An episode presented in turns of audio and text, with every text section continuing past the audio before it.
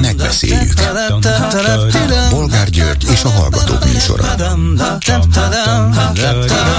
A műsor telefonszámai 061 387 84 52 és 061 387 84 53. Jó napot kívánok a Klubrádió mikrofonjánál, Bolgár György. Mai műsorunkban beszéljük meg, hogy megszólalt Novák Katalin, és megszólalt az az elnöki kegyelemben részesített férfi is, aki a Bicskei Gyerekotthon igazgató helyetteseként a pedofil bűncselekményeket elkövető igazgatót fedezte, és hamis vallomásokat iratott az áldozat gyerekekkel. Egyik megszólalásban sem volt köszönet, vagy legalább valami tartalom. Az elítélt, majd szabadon bocsátott férfi azt nyilatkozta a 444 újságírójának, hogy nem nyilatkozik.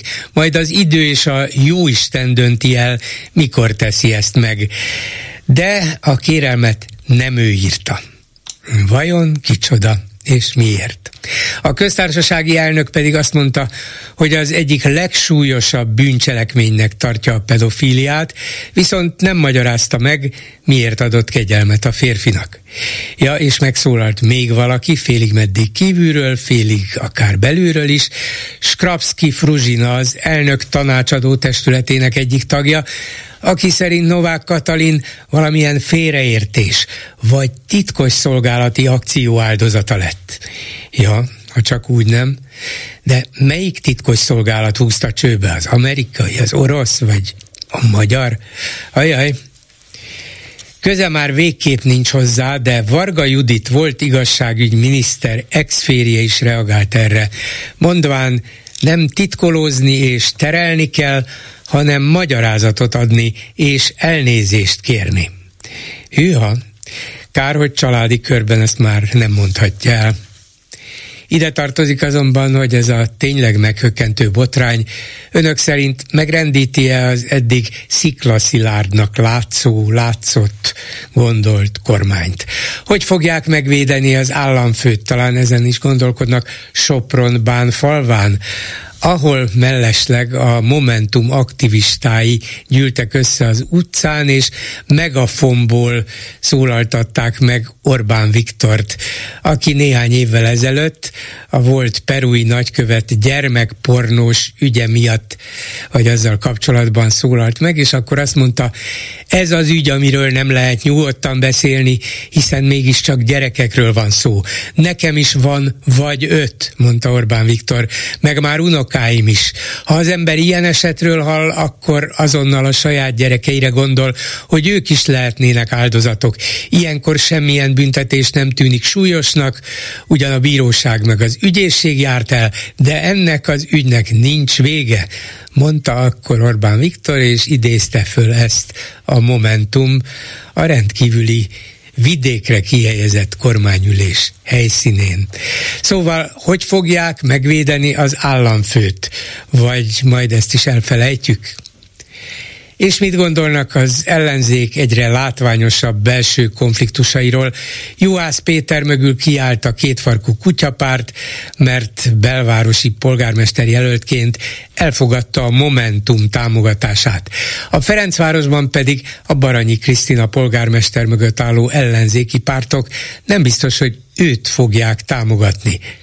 Előbb-utóbb sikerül jól összeveszniük, vagy a viták ellenére az ellenzéki pártok aztán mégiscsak össze fognak állni.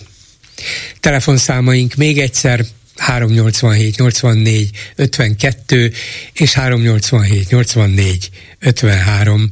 Háló, jó napot kívánok! Kívánok! Bolgár úr, üdvözlöm és köszönöm a lehetőséget. Elmondanám, amit akarok, és akkor utána tudunk beszélgetni is, hogyha van kérdés. Igen. Először is leszögezném, hogy ez az ügy, ez egy súlyos morális és erkölcsi válságnak a kezdete, vagy már maga az. Minden fölött áll, tehát itt minden eltörpül emellett. A, le kell szögezni, hogy Novák Katalin nem hajtott végre törvénysértést, vagy alaptörvénybe ütköző cselekedetet, tehát megfosztani nem lehet a hivatalától. Úgyhogy egy lehetőségünk van, és itt leginkább a társadalomhoz, a civil szervezetekhez és a, a ellenzéki, töketlen ellenzéki pártokhoz szólok, olyan helyzetet kell teremteni, hogy Novák Katalinnak ne lehessen más választása, mint hogy lemondjon. És az, hogy péntek délután négyre valakik tüntetést szerveztek, az nem elég. Aki ezt a tüntetést szervezte, az akkurátusan vigyázott arra, hogy lehetőleg tömegek ne jelenjenek meg egy szűk térben. Miért? Úgy, Miért vigyázott rá? Hát nem azonnal kell reagálni? Most vannak az emberek felháborodva. Eljutott Igen. szinte mindenki ez ez a hír. Igen, Borgár úr, csak péntek délután négy órakor az emberek többsége még dolgozik, utána elmegy a gyerekért, megcsinálja a hétvégi bevásárlást. Itt nem elég, hogy 5000 ember legyen ki, több százezer embernek kell kimenni, akár a hősök terére, vagy egy nagy térre. Ne, tehát ha ezt most nem szervezzük meg, mi emberek, akkor gyakorlatilag ez a társadalom egy nulla.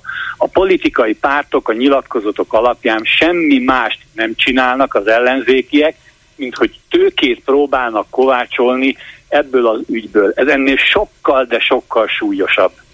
Hát attól még, nem, ők, attól még ők kovácsolhatnának tőkét, hiszen... Nem, má, nem, má, nem, nem, nem, most nem? nem kéne tőkét kovácsolni bolgár. Egy olyan tüntetést kellene szervezni, amikor, amikor nem is tüntetést, egy felvonulást, egy tiltakozást, mindenféle jelszavak, rigmusok nélkül vonuljon ki két-háromszázezer ember, és mutassa meg, hogy, hogy, hogy ez az a határ, amit már nem lép uh-huh. át társadalmi szinten. Én, hogyha valaki megszervezi, és kimegyek, akkor én nem akarom tudni, hogy a másik milyen ember, hogy melyik fal, faluból jött, hogy hogy károsította meg a rendszer, hogy Fideszes, vagy DK-s, vagy, vagy hogy ateista, vagy katolikus. Én azt akarom tudni, hogy aki mellettem áll, ugyanúgy gondolkodik morális és erkölcsi ügyekben, uh-huh és kiáll azért, hogy ez az ország végre valami valahol határt húz. És hogyha ez a tüntetés pénteken mégsem négykor lesz, hanem hatkor, mert hatkor. Már az is, az is jó lenne. Na hát úgy van, de így van, hatkor.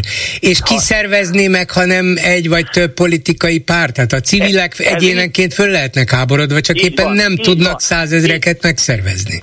Így van, így van, de, de én nem érzem azt, hogy a politikai, az ellenzéki pártok emellett egységesen odaálltak volna. Ez, ez nem igaz. Mindenki a saját, tehát azért ez a Varga Judit mondjon le, meg hát... Novák Katalin, nem, nem erről van szó.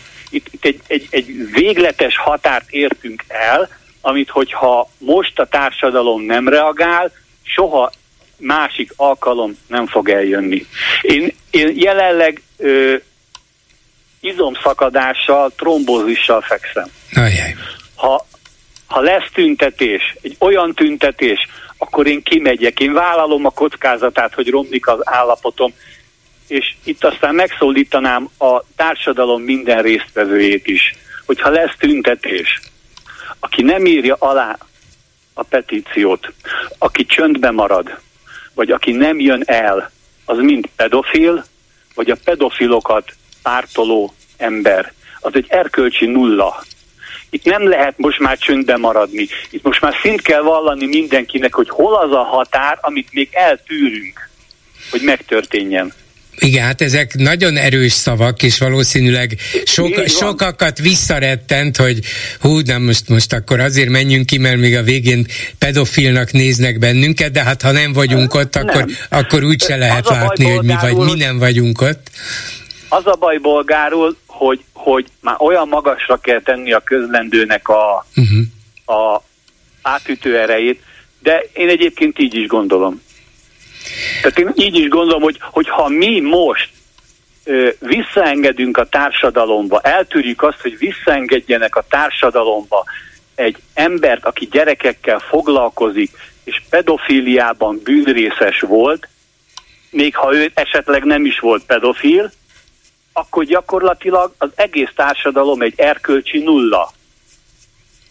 Ak- akkor, akkor miért, miért érezzem magam magyarnak? Akkor miért kellene, hogy, hogy bárki itthon maradjon, ha egy országban ilyen megtörténhet? Ki az, akinek, mert most ön nagyon nagyon erős szavakkal elmondta, hogy, hogy miért felháborító ez, és miért kellene az egész társadalomnak egységesen fölszólalnia ez ellen, és megjelennie tüntetve.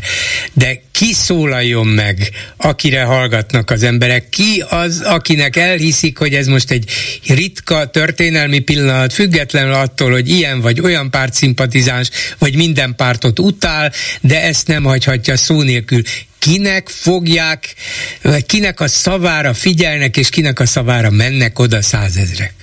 Nézze, én most ezért telefonáltam be. Én mondom. Én mondom, és ö, mindenki vegye magára. És nem érdekel, hogy valakiket megbántok. Ez, ez, ezen már nem lett, hogyha mi most a gyerekeinket, nagyon hülyé hangzik, mert ez a Fidesznek a szövege, ugye, hogy, hogy, hogyha a gyerekeinket nem védjük meg, akkor eldobjuk a jövőnket. Tehát mi, mi fontosabb annál, mint, mint, mint a, a gyerekeinket, meg a, a, a jövőnket védeni. Így van, ebben igaza van, és az a kapcsolat sem elanyagolható, sőt ebben az esetben az a lényeg, hogyha a köztársasági elnök ezt a, ezt a alapfeltételt nem vette tudomásul, sőt áthágta ezzel a megmagyarázhatatlan kegyelemmel, akkor ezt a társadalom ne tűri el, fejezze ki a felháborodását, mert akkor ezek után bármit meg is csinálhatnak velük. Ugyanígy szó nélkül átmegy, csend van, elmúlik, elfelejtjük. E, ez egy, ez egy olyan téma, ami, ami én úgy gondolom, hogy pártátlástól, meg felekezeti hovatartozás nélkül mindenkit ugyanúgy érint. Mindenkinek van gyereke, mindenkinek van ismerőse, akinek van gyereke, és mindenki valakinek a gyereke. Aki, aki ezt nem fogja fel, hogy itt tenni kell, az ne, nem, tehát nem tudom, nem tudom máshogy fogalmazni, az egy erkölcsi nulla. Köszönöm szépen, hogy hívott. Viszont Köszönöm, hallásra. Viszont hallásra. A telefonnál pedig Juhász Péter, aki az ötödik kerületben a belvárosban kíván polgármester lenni, és úgy volt egész tegnapig, hogy a kétfarkú kutyapárt jelöltjeként. Aztán most kiderült, hogy mégsem, mert a Momentum is beállt mellé. Szervusz Péter! Szervusz, jó napot mindenkinek!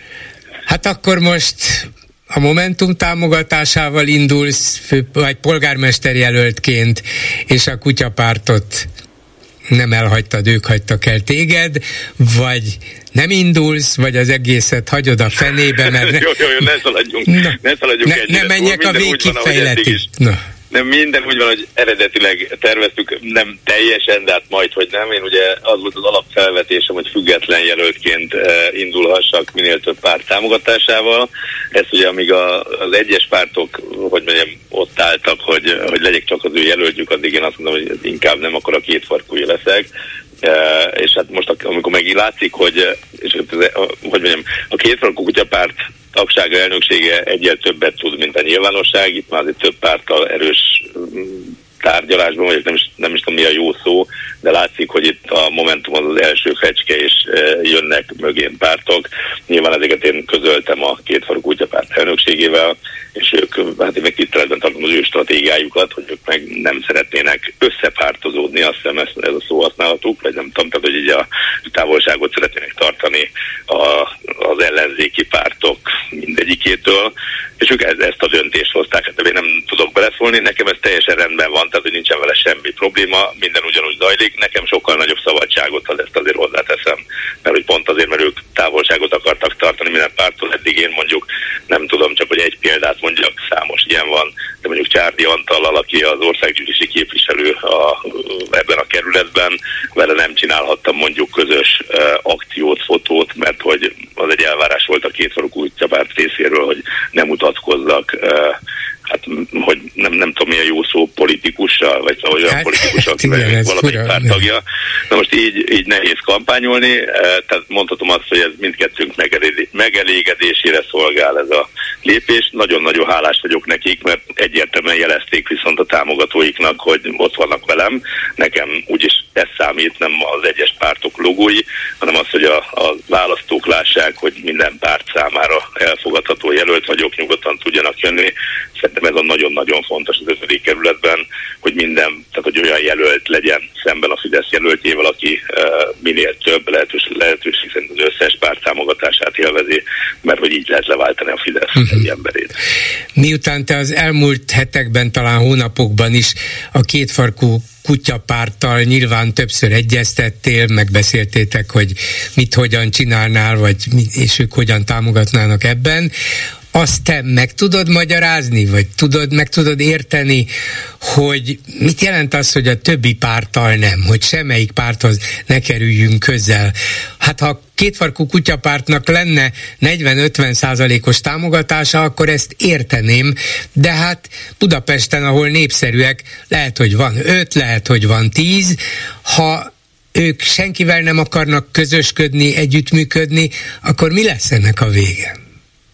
Erre én nem tudok válaszolni, de van egy óriás szerencsém, hogy nem is a feladatom, hogy erre válaszoljak. Én itt pont az a lényeg, hogy egy olyan jelölt szerettem volna lenni, akit még ők is elfogadnak, annak ellenére, hogy, eh, hogy a, a, a hogy mondjam, többi pár is ott van, és szerintem ez egy meglehetősen jó kompromisszum, vagy hogy mondjam, úgy jött ki a lépés ezáltal, hogy minden párt szimpatizása irányába jelzés születik, feltéve ugye, hogy jön a többi párt majd mögém. Én mondom, ebben erős sejtésem van, de uh, szerintem nagyon fontos az, amit eddig a kutyapárt értem uh, tett, hogy én tényleg őszintén hálás lennék. Az, hogy nekik mi a stratégiájuk, azzal én sem feltétlenül mindig értek egyet, de, de ez nem is baj, mert hogy én nem vagyok a párt tagja, uh, nem, nem, nem az én dolgom ezt megítélni. Azt mondod, hogy erős sejtéseid vagy érzéseid, vagy annál több is van, hogy a többi ellenzéki párt is felsorakozik mögéd, vagy legalábbis lesz még ilyen.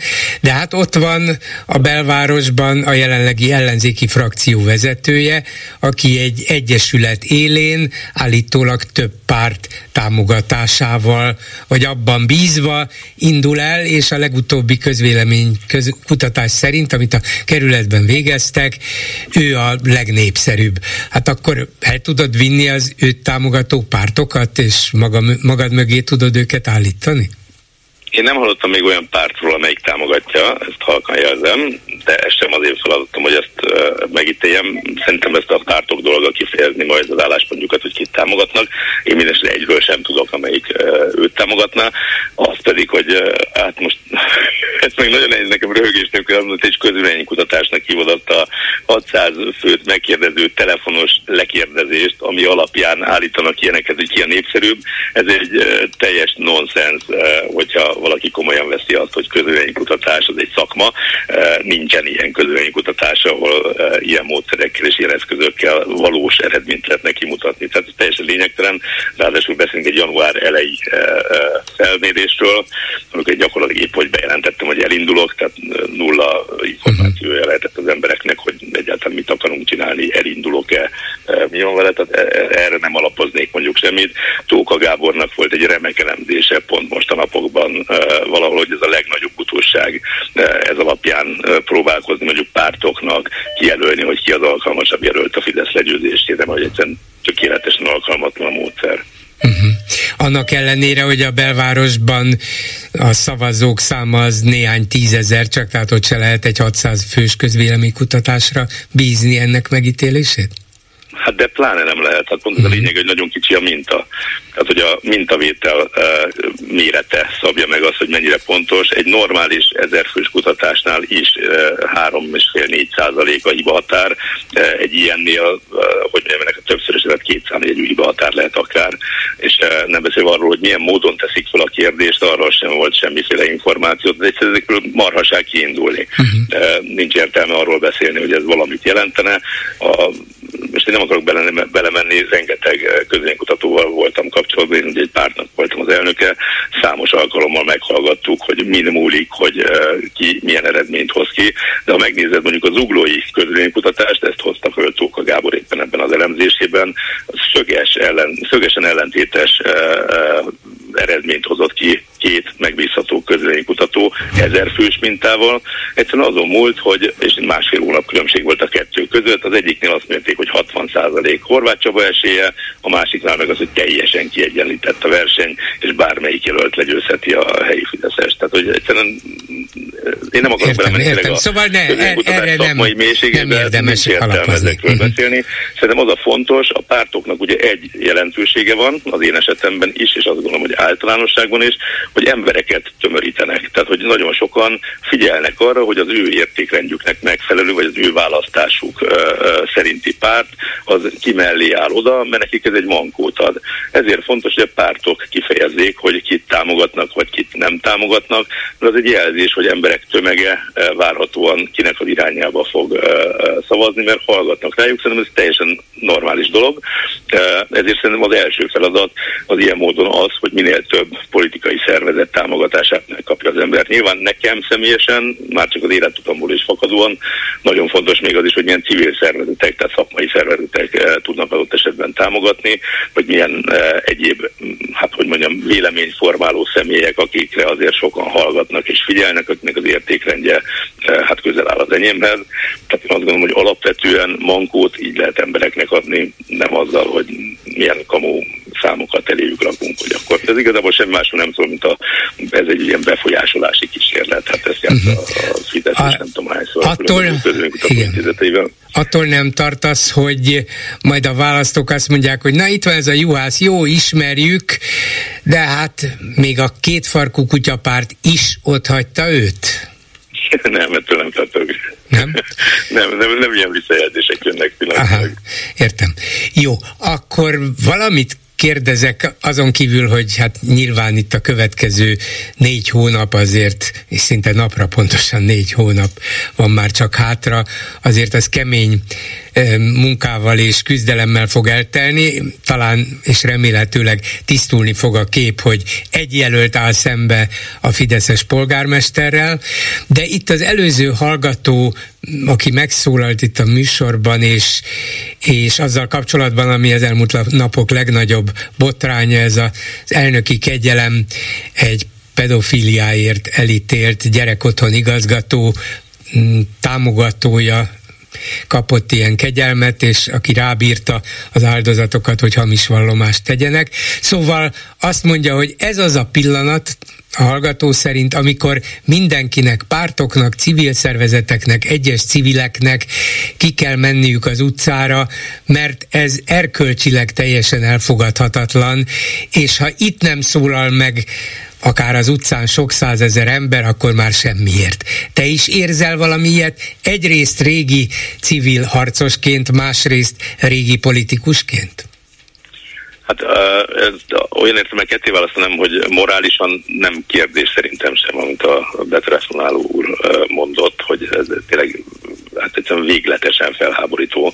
Tehát pont a magát családbarátként beállító kormányzat által kijelölt, vagy nem tudom, megszavaztatott Novák Katalin, mint köztársasági elnök, felment egy hát nagyon súlyos gyerekek irányába elkövetett bűncselekményekkel vádolható embert. Hát nem, nem vádolható, elítélt.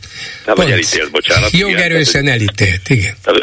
Ennél súlyosabbat azért nagyon nehéz még kitalálni, és lehetetlen szerintem, tehát hogy nagyon nehézen tudnánk ennél durvábbat mondani. Mert hogy tényleg mi lehet, tehát egy gyilkost felmentek, még az is kevésbé durva valószínűleg, mint hogy egy uh, gyerekeket, na mindegy, tehát ebben most nem mennék bele. Azt, hogy ennek most mi a hatása, és itt én innen közelítem már sajnos az ilyen saját tapasztalatom, hogy kimegyünk tüntetni, abban vagyok sajnos szkeptikus, és ezért nincsenek rengetegen ezeken a tüntetéseken, mert Magyarország nem jogállam, itt eh, a jogállami eszközökkel sajnos nem nagyon érünk el eredményt. Tehát eh, nagyon fontosnak tartom én is, hogy ott legyenek nagyon sokan a tüntetésen, ezt ismételjük is el, ugye ez pénteken van 6 órakor a Novák Katalin hivatal előtt a várban, jól mondom? Igen. Jó, csak azért, hogy igen, igen. is nincs itt előttem. Tehát a lényeg, hogy az nagyon fontos, de ugyanakkor ez szerintem egy belső indítatásnál többet sajnos ma nem jelent, már úgy értem, hogy nekünk nagyon fontos, hogy kifejezzük valamilyen módon azt az undort, amit érzünk uh, a jelenlegi köztársasági elnök iránt ebben a témában egészen biztosan, és a, nyilván ez a én számomra legalábbis az egyelő a kormányzattal is, de hatást ettől még azért ne várjunk. Tehát ne álltassuk magunkat azzal, hogyha ott tízezren vannak, akkor az többet jelent a hatalom szempontjából, mint ha ezren vannak, vagy a százezerrel. Igen, ebben egyetértek veled, csak arra akartam tulajdonképpen a kérdést kiegyezni, hogy a társadalmat ezzel nem lehet megragadni, mert kiderült, hogy most már jó ideje néhány tízezres tüntetésnél nagyobbra nem futotta, a legfontosabb ügyekben sem.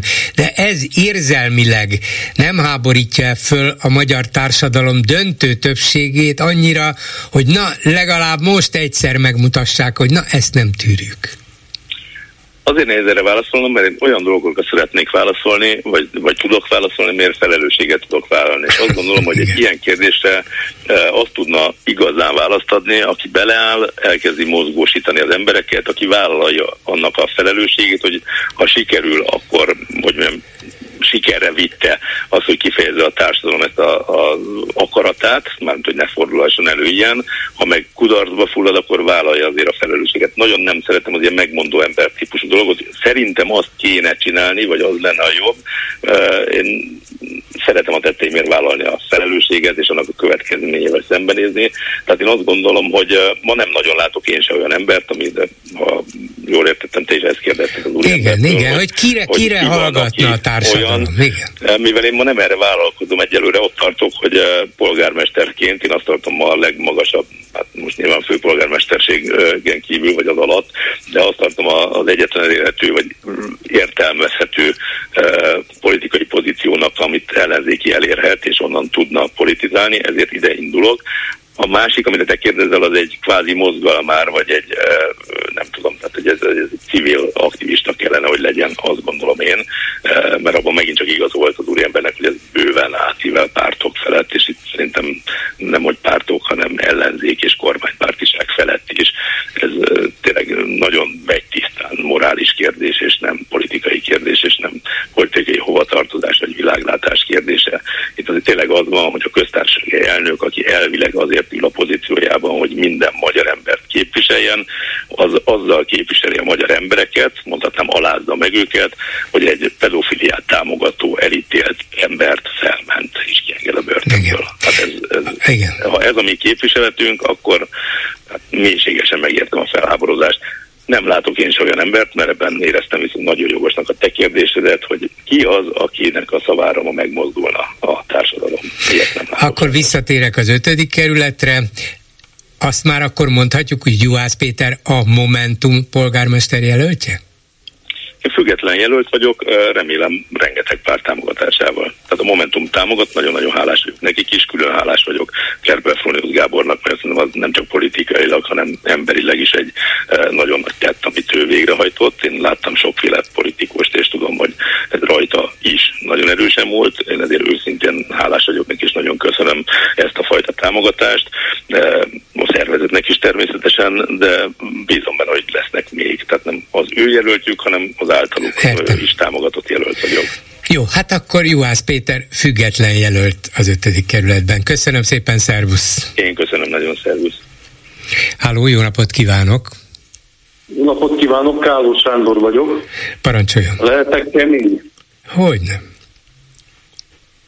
Hát nagyon-nagyon kevés hiteles ember van a bal oldalon, vagy az ellenzéki oldalon, mint a Juhász Péter, meg a a többi, egy-két ember.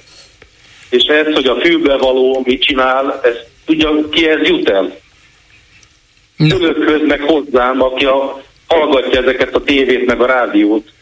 Az összes bunkó, vidéki, sutyó, háromtekervényes öregasszony, mondjuk a, a bunkó vidéki, ez így, a magyar televízió adását, és semmit nem fog ebből tudni. Igen, az, hogy bunkó vidéki, ez, ez azért így ne legyen egymásból következő ez, jelző, de mondom, aki, aki nem jut mondom, információhoz. Így mondom, most már elég régen mondom, hogy a műveltebb emberek, a városi lakosok, azok ott azért mégiscsak jártak iskolába, és nem a hogytartós WC-be mennek ki, azért mondtam, hogy kemény leszek, uh-huh. és hajrá Orbán Viktor. Nem lehet mit tenni. Mindig kérdezi, hogy nincs mit tenni, nincs. Aha. Jó, eh, de azért azt mondanám, hogy a, a, talán a legnagyobb nézettségű esti tévéhíradó az foglalkozott vele nem egyszer, nem kétszer, az mégis csak eljut körülbelül egy millió emberhez. Tudom, az nem 8 millió, mint a szavazásra jogosultak száma, de az egy millió elkezd beszélni családjával, ismerőseivel. Hallottad mit? Hát, hogy egy pedofilt engedtek el. Egy ilyen fajta hír gyorsan terjed még akkor is, hogyha nincs benne az állami meg a Fidesz médiában. Hát de az nagyon kevés ember nézi ezt a legnézettebb RTL-t, ugye arra gondol. Arra gondoltam, hát azért közel egy millió. Hát de a három millió megnézi a nem, tévét, nem, nem, nem, nem, nem, összességében sem nézi három millió. Eleve ugye azt korlátozza ezt, hogy az emberek, akik a napi hírek iránt érdeklődnek, azokra kíváncsiak, azok viszonylag kevesen vannak kisebbségben vannak. De a másik mondjuk 6-7 millióhoz is eljutnak valahogy a hírek, foszlányosan, megszűrten, apránként szórva, de ez tipikusan az a hír, amihez, amihez nem kell tévéhíradót nézni, hanem eljut ez emberek, egyik embertől a másikig. Jó van. Bocsánat, én ott voltam, amikor indult ez az MTVA-nak a hírfolyama és ott rögtünk a kollégákkal, hogy kiveszi be ezt a hülyeséget, amit itt nyomunk most már évek óta, vagy napok óta, mindig fél óránként ugyanazt a hülyeséget adjuk le. És tévedtem, tévedtem. Mert akkor mindenki azt mondta, hogy ez hülyeség, és senki nem fogja nézni, nem veszi be. Igazuk volt nézik, igen, és beveszik. Igen. igen, és hát főleg hogyha, főleg, hogyha rengeteg ilyen médium van, rengeteg ilyen tévé, rádi, főleg ugye rengeteg rádió, szórakoztató rádiók, zenei rádiók, az újságok nagy része, ahol mindez nem olvasható, nem hallható, igaz. Csak azt mondom, hogy ez egy egyszerű ügy, egy mondatban összefoglalható a lényege, és tipikusan az, amiről elindulnak a plegykák, hogy hű, hallottad ezt? Hát én nagyon kíváncsi vagyok, mert a, nem, nem én szoktam mondani, ékás vagyok, ugye. Ezt mondtam, amikor a, meghallottam a gyurcsány beszédét, és elolvastam, meghallgattam többször, és mindig a, mondják, hogy hú, a gyurcsány ilyen meg olyan, és mindig mondom itt a szomszédoknak, és láttad, hallottad, olvastad a beszédét? Hogy mit mondott? Hogy elegem van ebből, nem csinálom tovább. Majd bele döglöttem stb. stb. nem akarom mondani Igen. tovább. Senki, fogalmuk sincs, csak az a propaganda, propaganda és felhiszik. Gyurcsány, hatás, ördög. És ezt nem tudják átlépni. Ne haragudjon, de nagyon mérges vagyok itt a Kunhalmi Ágnes, Momentum, LMP. Az LMP az egy Fideszes beépített szervezet, ezt már évek óta mondom.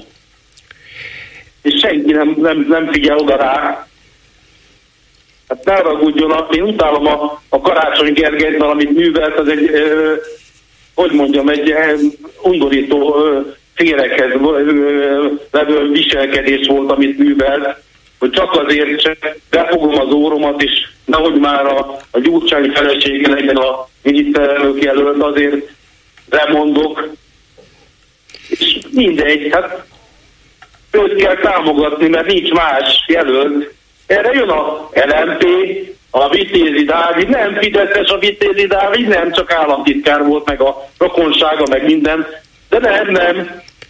És nyomják, nyomják, Na de, a, a, értem, ezt mind értem, és még egyet is értek önnel, de akkor miért az MSP meg a Momentum a hibás? Az LMP lehet, hogy hibás, de ők miért? Hát az MSP is. Mert a két százalékkal, hogy mondjam, ott rinyálnak, és mindig kiáll a, a, a Kumalmi Ágnes egy összefogás, összefogás, mert különben visszamennek autófényezőnek. Hát, de hogy ha, ha visszamegy a két-három-négy százalékos, tegyük föl, nem tudom, hogy lesz-e öt százalékos MSP autófényezőnek, az a két-három-négy százalék az ellenzékből fog hiányozni, és ha a Momentum is visszamegy Nyugat-Európába egyetemekre tanulni, vagy multikhoz dolgozni, akkor megint 4-5-6-8 százalékkal kevesebb lesz az ellenzéknek.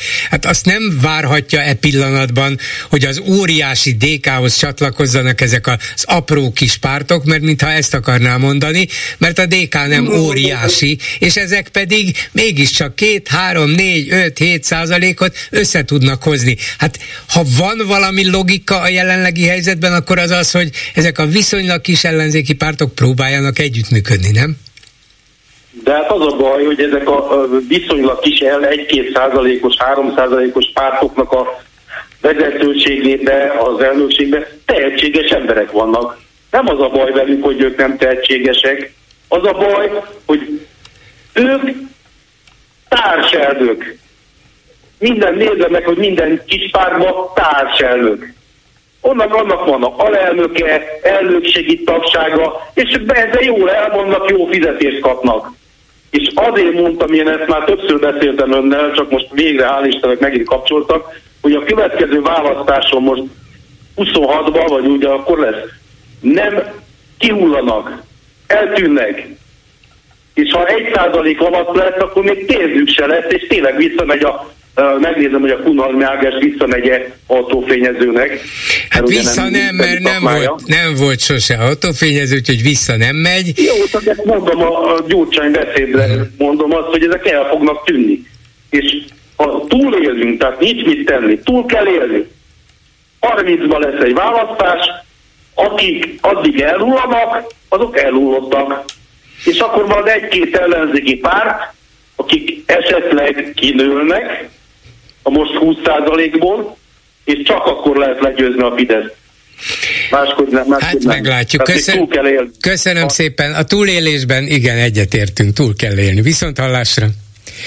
A telefonnál pedig Törlei Katalin, a Tanítanék mozgalom egyik legismertebb képviselője, volt elbocsátott francia tanár, és most a kétfarkú kutyapárt európai parlamenti listájának a második helyén van.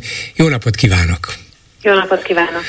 És hát egyrészt gratulálok, másrészt őszintén szólva nyilván nem voltam beavatva ezekbe a dolgokba, meg voltam lepve, amikor ezt olvastam. Egyrészt nagyon jónak találom, hogy valaki, aki ennyire bátran komoly közéleti szerepelt vállalt az elmúlt években, nem félt semmitől és senkitől, az most hirtelen politikára adja a fejét, nem is hirtelen, hiszen ez politika volt, amit csinált az elmúlt években. Másrészt meg azt mondanám, hogy még abból a szempontból is örültem, hogy na a kétfarkú kutyapárt, amelyiknek nem volt igazán arculata, csak az, hogy na egy se jó, az se jó, amaz se jó, mint hogyha talált volna egy olyan arcot, amelyiknek van karaktere, amelyik arc képviselt valamit, és, és ez sokak számára értelmezhető is.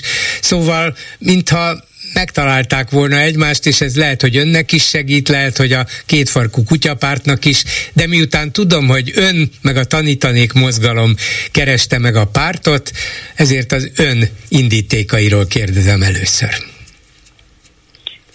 Hát köszönöm a gratulációt, majd remélem, hogy a júniusban is lehet ilyen gratulációkat kapni. Az indítékaink azok elég világosan indultak abból a helyzetből, amiben most vagyunk. Hosszú évek óta küzdünk azért az ügyért, amit, hogyha így összefoglalóan akarom megnevezni, az a közoktatás ügye, annak a jobbításának az ügye egy boldogabb, demokratikusabb oktatási rendszer kialakítása, ahol a a minden egyes gyerek megkapja azt az oktatást, ami nekik jár. Ugyanakkor mind a tanárok kirugása és az én saját, saját személyes történetem, mind a státusztörvény elfogadása ö, olyan helyzetet teremtett, ahol, ahol valóban ö, el kellett gondolkoznunk azon, hogy milyen új lehetőségeket, terepeket ö, találunk ahhoz, hogy tovább vigyük ezt a küzdelmet, mert hogy ezt tovább kell vinni. Tehát ez, ez az, ami nem kérdés. És akkor ö, jött a látóterünkbe az, hogy, hogy valamilyen módon az európai szintérre ki lehetne vinni ezt az ügyet, el kéne indulni az EP választásokon, és, és ebből adódott ez, hogy partnert együttműködő szervezetet kerestünk ahhoz, hogy ezt megvalósítsuk. Uh-huh. És rögtön, rögtön a kutyapártot keresték meg, vagy találták meg? Egészen uh, nyilvánvaló volt, mivel a, az EP uh, listán, vagy az EP Va- valami, valamiért elment a hangja, mint hogyha rossz, igen, rossz most helyre. Jobb. Most jobb, igen, igen. Most jobb. Igen. Most próbálok belebeszélni a mikrofonba. Szóval uh, teljesen nyilvánvaló, hogy de mégsem, de mégsem jó, valami, valami nem változik, nem? Egy helyben van, vagy mozog? Egy, egy helyben vagyok. Mhm. Akkor nem tudom, mi kering. Ne, de ne, hát ez, vagy esetleg egy ablakhoz közelebb menni, nem tudom. Közelebb lehet. megyek a, a úteremhez. Hát, Na, hát ha. Jó, talán Ö, most jobb. Szóval azt lehet tudni, hogy az ESZI választáson nem, kedves Katalin, valamiért nem megy. Megkérem, hogy tegyük le, és megpróbáljuk újra hívni, mert előfordul, okay. hogy egy újabb hívással rendeződik. Jó? Köszönöm Rendben. szépen. És akkor fölhívjuk újból Törlei Katalin, mert nem szeretném önöket fárasztani azzal, hogy minden második szó eltűnik a, a levegőben.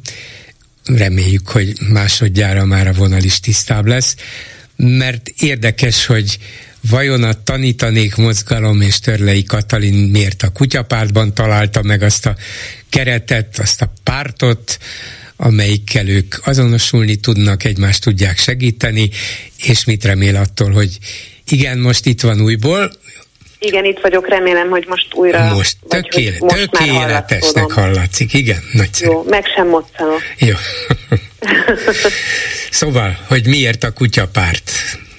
Ö, az, az van, hogy ö, pártlistán kell indulni az LP választásokon, és az ö, nyilvánvaló volt ö, egy hosszabb gondolkodási folyamat után, hogy ö, ö, annak ellenére, hogy voltak már nagyon gyümölcsöző együttműködéseink ö, ellenzéki pártokkal, mint az oktatási minimum létrehozása például, de ezek a pártok nem a mi politikai otthonunk. A kutyapárt volt az egyetlen olyan ö, leginkább a maga működését mozgalmiságra, cselekvésre, civil tevékenységre ö, fordító párt, ö, akivel ezt az együttműködést el tudtuk képzelni. Tehát ez egy ilyen, hmm. egy ilyen kezdeményezés volt a részünkről, és aztán a, az egyeztetések során kiderült, hogy, hogy egy csomó értékben megegyezik a véleményünk, hogy a, meg tudunk közös ilyen bizalmi alapon egyezni dolgokban, és hogy tiszteletben tartják azt az autonómiát és tanítanékos identitást, amit én mindenképpen képviselni szeretnék ebben a szerepben is. Mondja, hogy milyen közös értékek azok, amelyekben meg tudtak egyezni, mert a kutyapárttal, amelyik számomra tényleg egy szimpatikus párt, és, és már a humoruk eleve magával ragadt, hogy olyan módon tudták kívülről és egyben belső iróniával is nézni azt a rendszert, ami itt kialakul, hogy, hogy azt kell mondanom, hogy le a kalappal, de amikor arra kerül a sor, hogy és arról esik szó, hogy mit is akarnak csinálni, akkor a civil aktivitáson kívül még nem sok mindent láttam. Mondjuk az ön jelölésével valami ebből fölsejlik, de ha azt mondja, hogy a beszélgetéseik, tárgyalásaik alkalmával több közös érték is kiderült, akkor kíváncsi vagyok ezekre. Hiszen egy pártról van szó, amely be akar kerülni az európai politika központjába. A, a civil aktivitás egyébként nagyon fontos volt ebből a szempontból, illetve az is, az az attitűd és ö, ö, tettekben megjelenő hozzáállás a magyar politikai rendszerhez, amely megkérdőjelezi a fennálló játékszabályokat. E, ez például egy nagyon fontos közös pont volt a mi mozgalmunk és az ő pártjuk között, az, hogy mi a polgári engedetlenséget tűztük az zászlónkra, és azt gondolom, hogy ez az elmúlt évek egyik legfontosabb tette volt. Ezzel mi megkérdőjeleztük a számunkra ö, immorálisnak tűnő kereteit a magyar állam működésének, és ugyanezt a keretfeszegetést látom a, a, a kutyapártban. Ez nagyon fontos.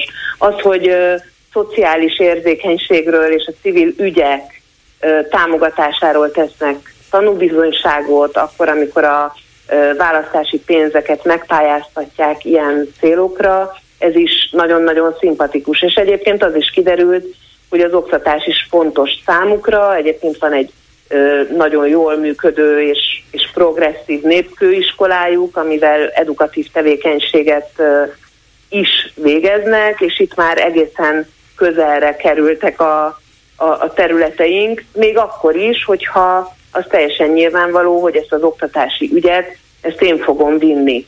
És, és hogy én elsősorban ezt fogom vinni, ezt az ügyet, amit a tanítanék évek óta hitelesen képvisel.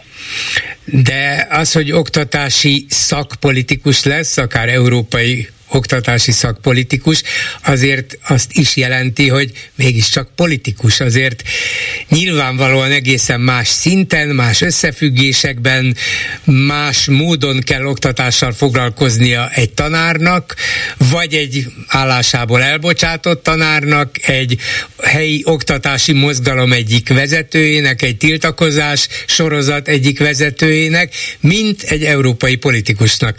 Ezt, a, ezt az át átlépést a politikusságba hogy gondolta végig, és hogy tudja majd elfogadni saját magában? Hát ehhez valóban kellett az, hogy engem elbocsássanak az állásomból. Tehát ö, azt gondolom, hogy ha én most még nap mint nap bejárnék tanítani, akkor ez a szerepvállalás nem merült volna fel. Ö, azt is komolyan gondolom, hogy eddig is igyekeztünk beleszólni a politikába, ha tetszik, politizáltunk azzal, hogy közéleti kérdésekről beszéltünk. Ennek a technikai részében pedig bele fogok tanulni, és van egy csomó olyan téma, amit európai szinten is fogok tudni képviselni, és amik európai szintű témák, és ugyanakkor egy európai parlamenti képviselő az nem szakad el a, a, attól az országtól, ahol megválasztották. Tehát én egyáltalán nem hagyom abba a tanítanékos tevékenységemet, és a tanítanék mozgalom sem hagyja abba azt, amibe belefogott, és amit, amit víz, annak a sok százezer, közel egy millió gyereknek az érdekében, akik most nem kapják meg a nekik járó megfelelő oktatást, a szülők hangjának a ki, ki, kihangosítása érdekében, akik folyamatosan azért agódnak, hogy most akkor melyik milyen szakos tanár tanítja a fizikát a gyereküknek, aki egyébként űrhajós vagy atomfizikus akarna lenni, de nem kapja meg, ami ehhez ö,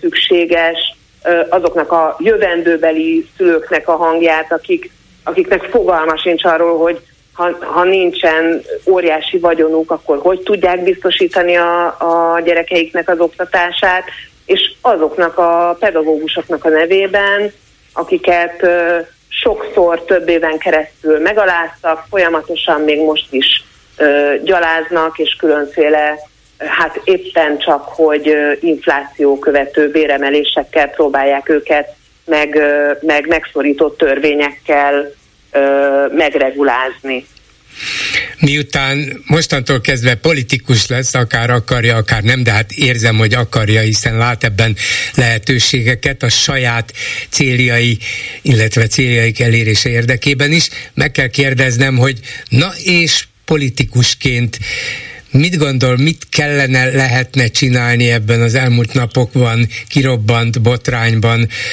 egy pedofil bűncselekménnyel vádolt gyerekotthon vezető támogatóját, akit jogerősen elítéltek, Igen. részesített kegyelemben a köztársasági elnök, és láthatóan nem tudott, nem is akart, de nem is tudott magyarázatot adni arra, hogy miért. Egy, egy, egyelőre, igen. egyelőre nagyon nehezen tudok ebben az úgynevezett politikusi szerepben megszólalni, mert a a magánemberi, zsigeri, ösztönös ö, reakcióm az, ö, ami uralja a gondolataimat, és azt gondolom, hogy ez így természetes, tehát minden egyes állampolgárnak joga van hogy egy ilyen kérdésről hogyne, gondoljon hogyne, valamit hogyne. és felháborodjon.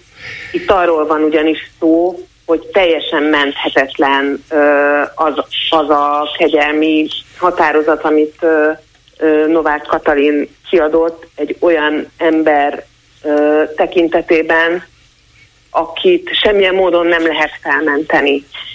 Nem lehet mentegetni azzal, hogy ő a pedofil és biztos beteges hajlamai vannak, tehát gondozásra szorul, nem. Ő egy bűnsegéd, valaki, aki tudtában volt annak, hogy mi folyik, és nem védte meg azokat a fiatalokat, gyerekeket, akik a gondjára voltak bízva. Ez teljesen elfogadhatatlan, és teljesen ö, ö, érthető, és fontos, hogy a magyar bíróság őt elítélte, kimondta a bűnösségét.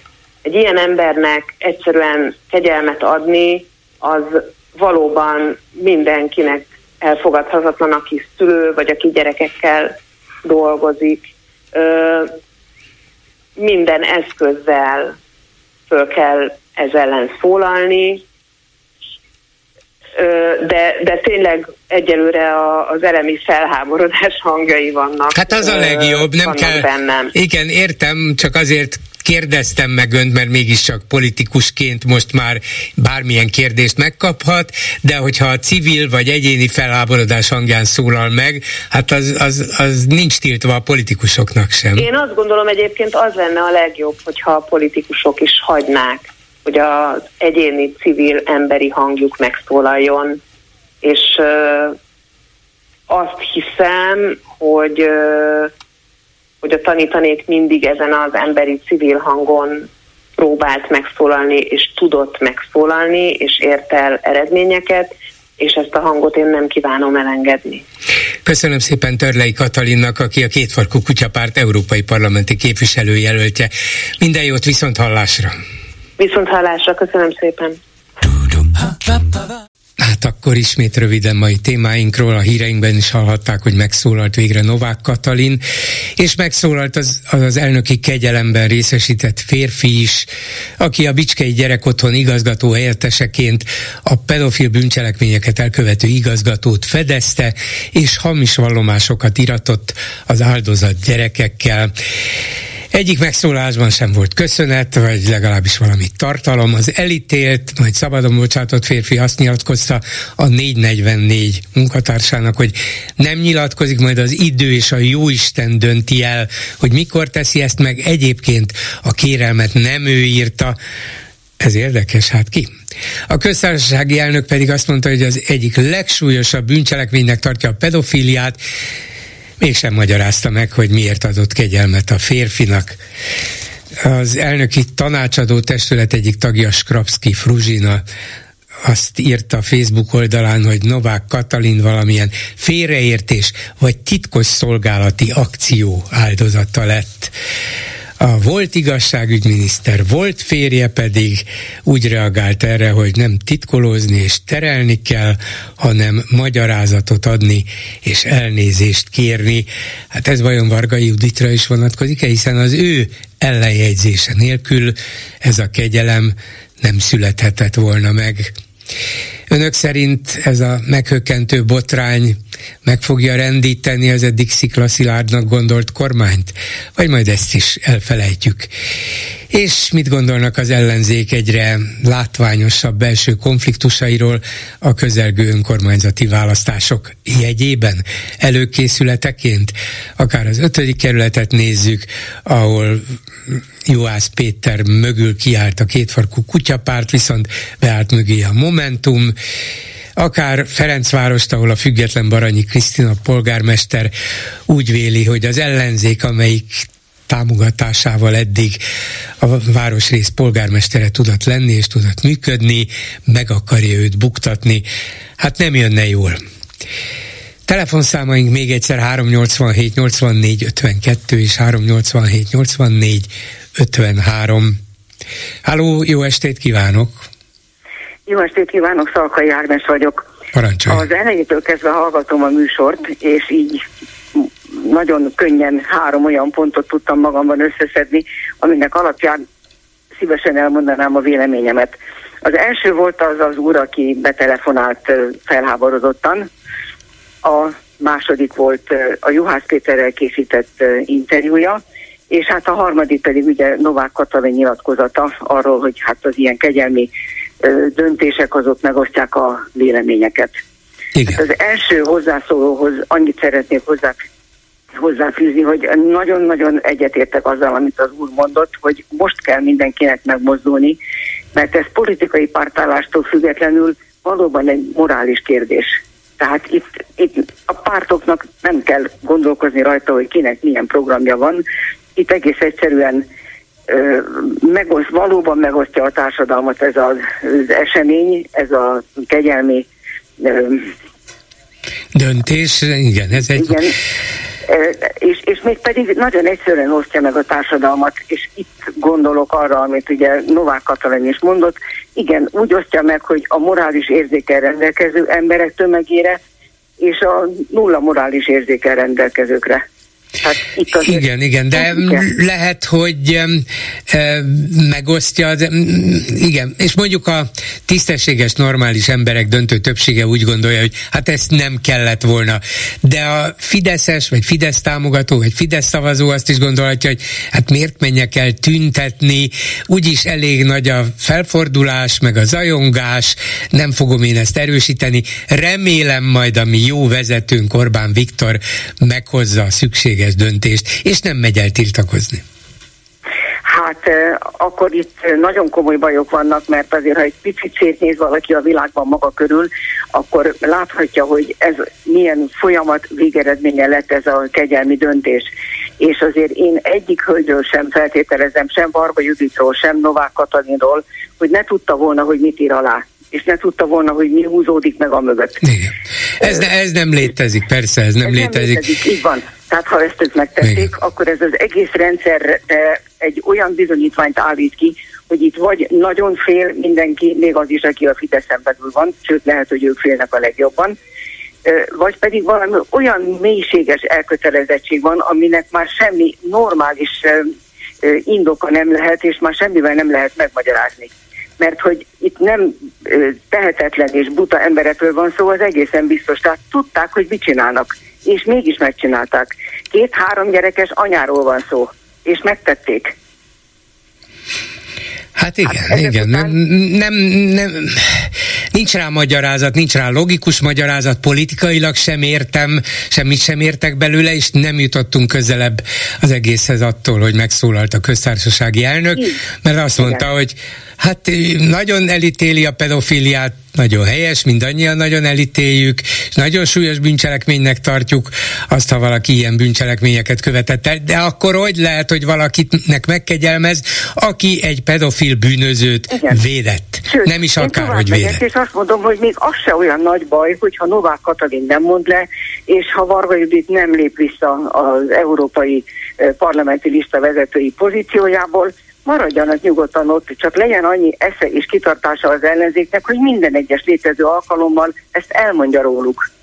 Igen. És azt a költői jelzőt rájuk akasztja, ami megilleti őket. Hogy a pedofil barát Novák Katalin és a pedofil barát Varga Judit. Hát valamit azért kell velük csinálni. Uh-huh. Mondom, nem, nem feltétlenül az a baj, hogyha ebben a pozícióban maradnak. Mert sajnos, ha ők ott maradnak ebben a pozícióban, pozícióban, akkor az mutatja azt is, hogy ez a társadalom és ez a kormány hol tart. uh-huh. ha tehát maradnak a helyükön, a, akkor ez egy jelzés lesz a társadalomnak, hogy ezek ott maradtak, nem történt semmi, Igen. nekünk meg lehet a véleményünk, érted? Igen. És ugye, amikor Juhász Péterrel beszélgetett, és megkérdezte azt, hogy látja olyan arcot, aki ennek a tüntetésnek a szervezőjeként az élére tudna állni. És ő azt mondta, hogy hát nem annyira.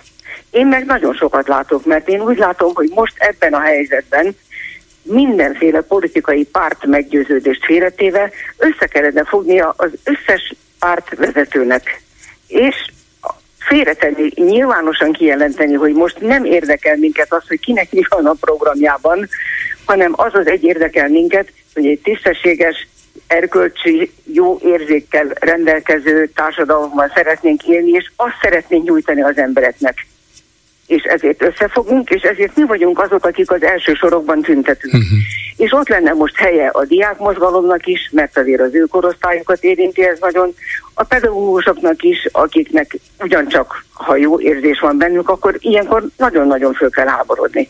Tehát én úgy látom, hogy nem arra van szükség, hogy egy ember álljon oda az élére, hanem pontosan arra van szükség, és az erőt azt fejezi ki, hogyha többen, akiknek ugyanaz a meggyőződésük, és akiknek befolyásuk van a, az emberek Bizonyos csoportjaira, igen, igen, igen. Ha többen odállnak. Igen, van benne valami, és különben is hiába várnánk egy emberre, ha az az egy ember nincs.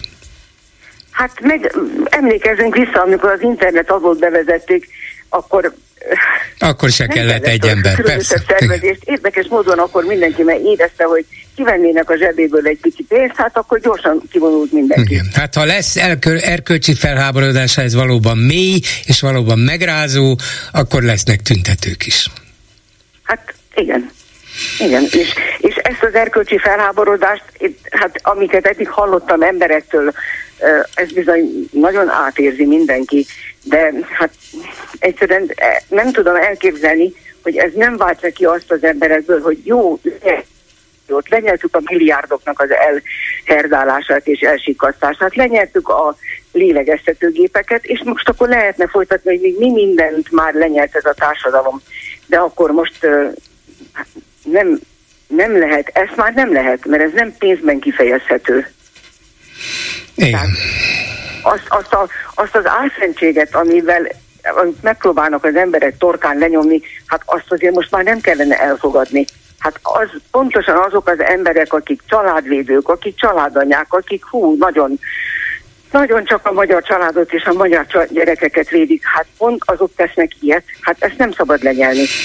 Igen. Hát komolyan mondom, hogy ezek után akkor már csak egyre lehet gondolni. Ha, ha most nincs erkölcsi felháborodás, akkor már csak az történhet meg, hogy a pedofilok odavonulnak a Sándor Paletter elé, és azt mondják, hogy köszönjük Katalin. És mondjuk Paletta Gábor vezeti őket.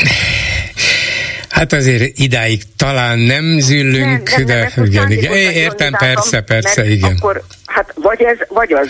Igen, de igen. nincsenek átmenetek. Így van. A kérdés, mondom, hogy ez a felháborodás mennyire széles körű, mennyire erős, mert valószínűleg egy emberként kellene elutasítani ennek a társadalomnak ezt a döntést, akármi is a magyarázata. És eddig még semmilyen magyarázat nem érkezett, úgyhogy Úgyhogy elfogadhatatlan és tűrhetetlen. Köszönöm Igen. szépen, asszonyom. Köszönöm, Viszont hallásra. Hallásra, minden jót.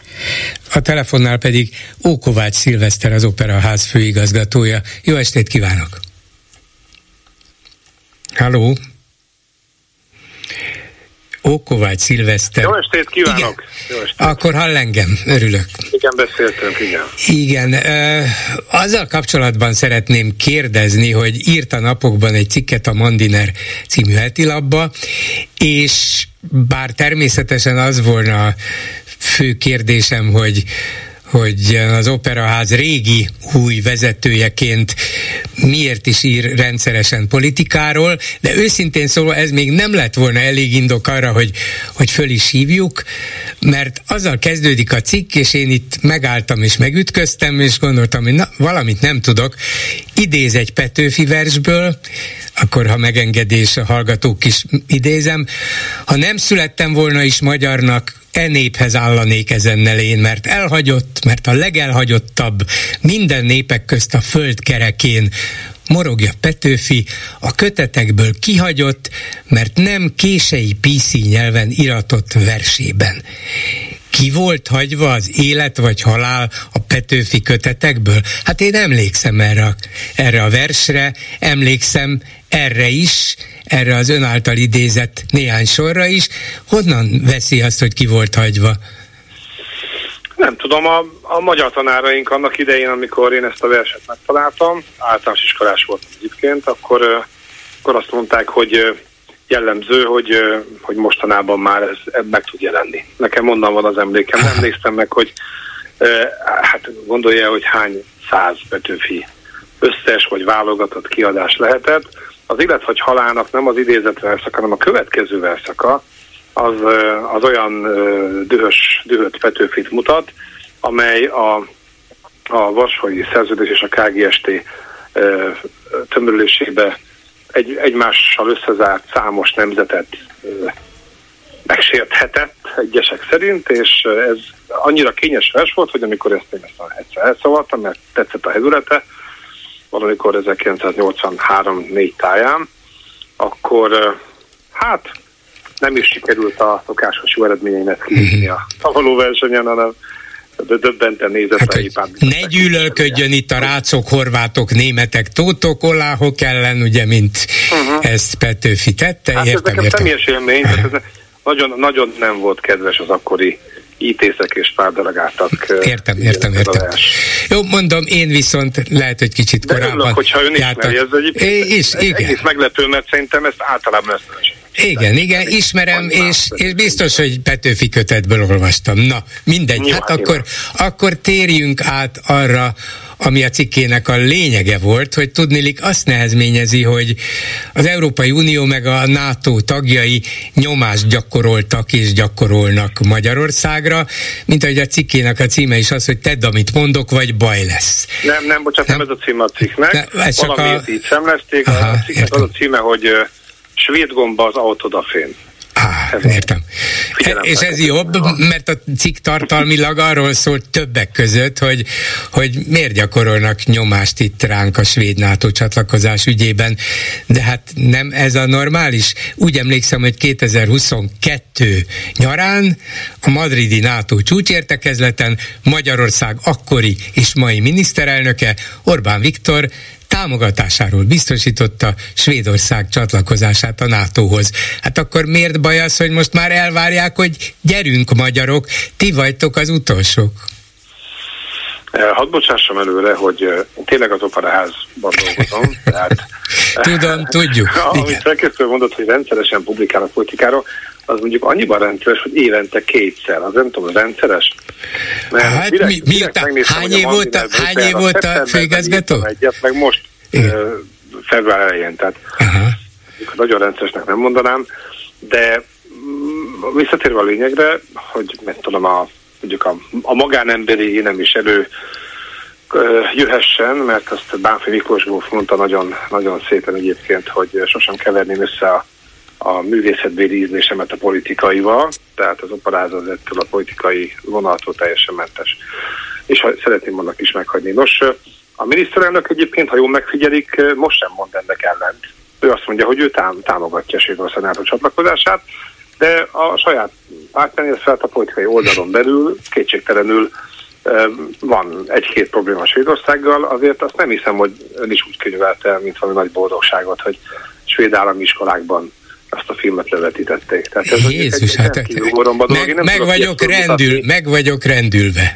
Hát, én, én úgy emlékszem, hogy a magyar, filmeket, a magyar külügyminiszter... mutattak magyar iskolákban. Igen, a, a magyar külügyminiszter rendszeresen, rendszeresen beszólt a svédeknek, hogy, hogy hogy engedhetik, hogy korán tégessenek Svédországban. Ez tűrhetetlen, mondta a svédeknek, és a svéd törvények megváltoztatását követelte.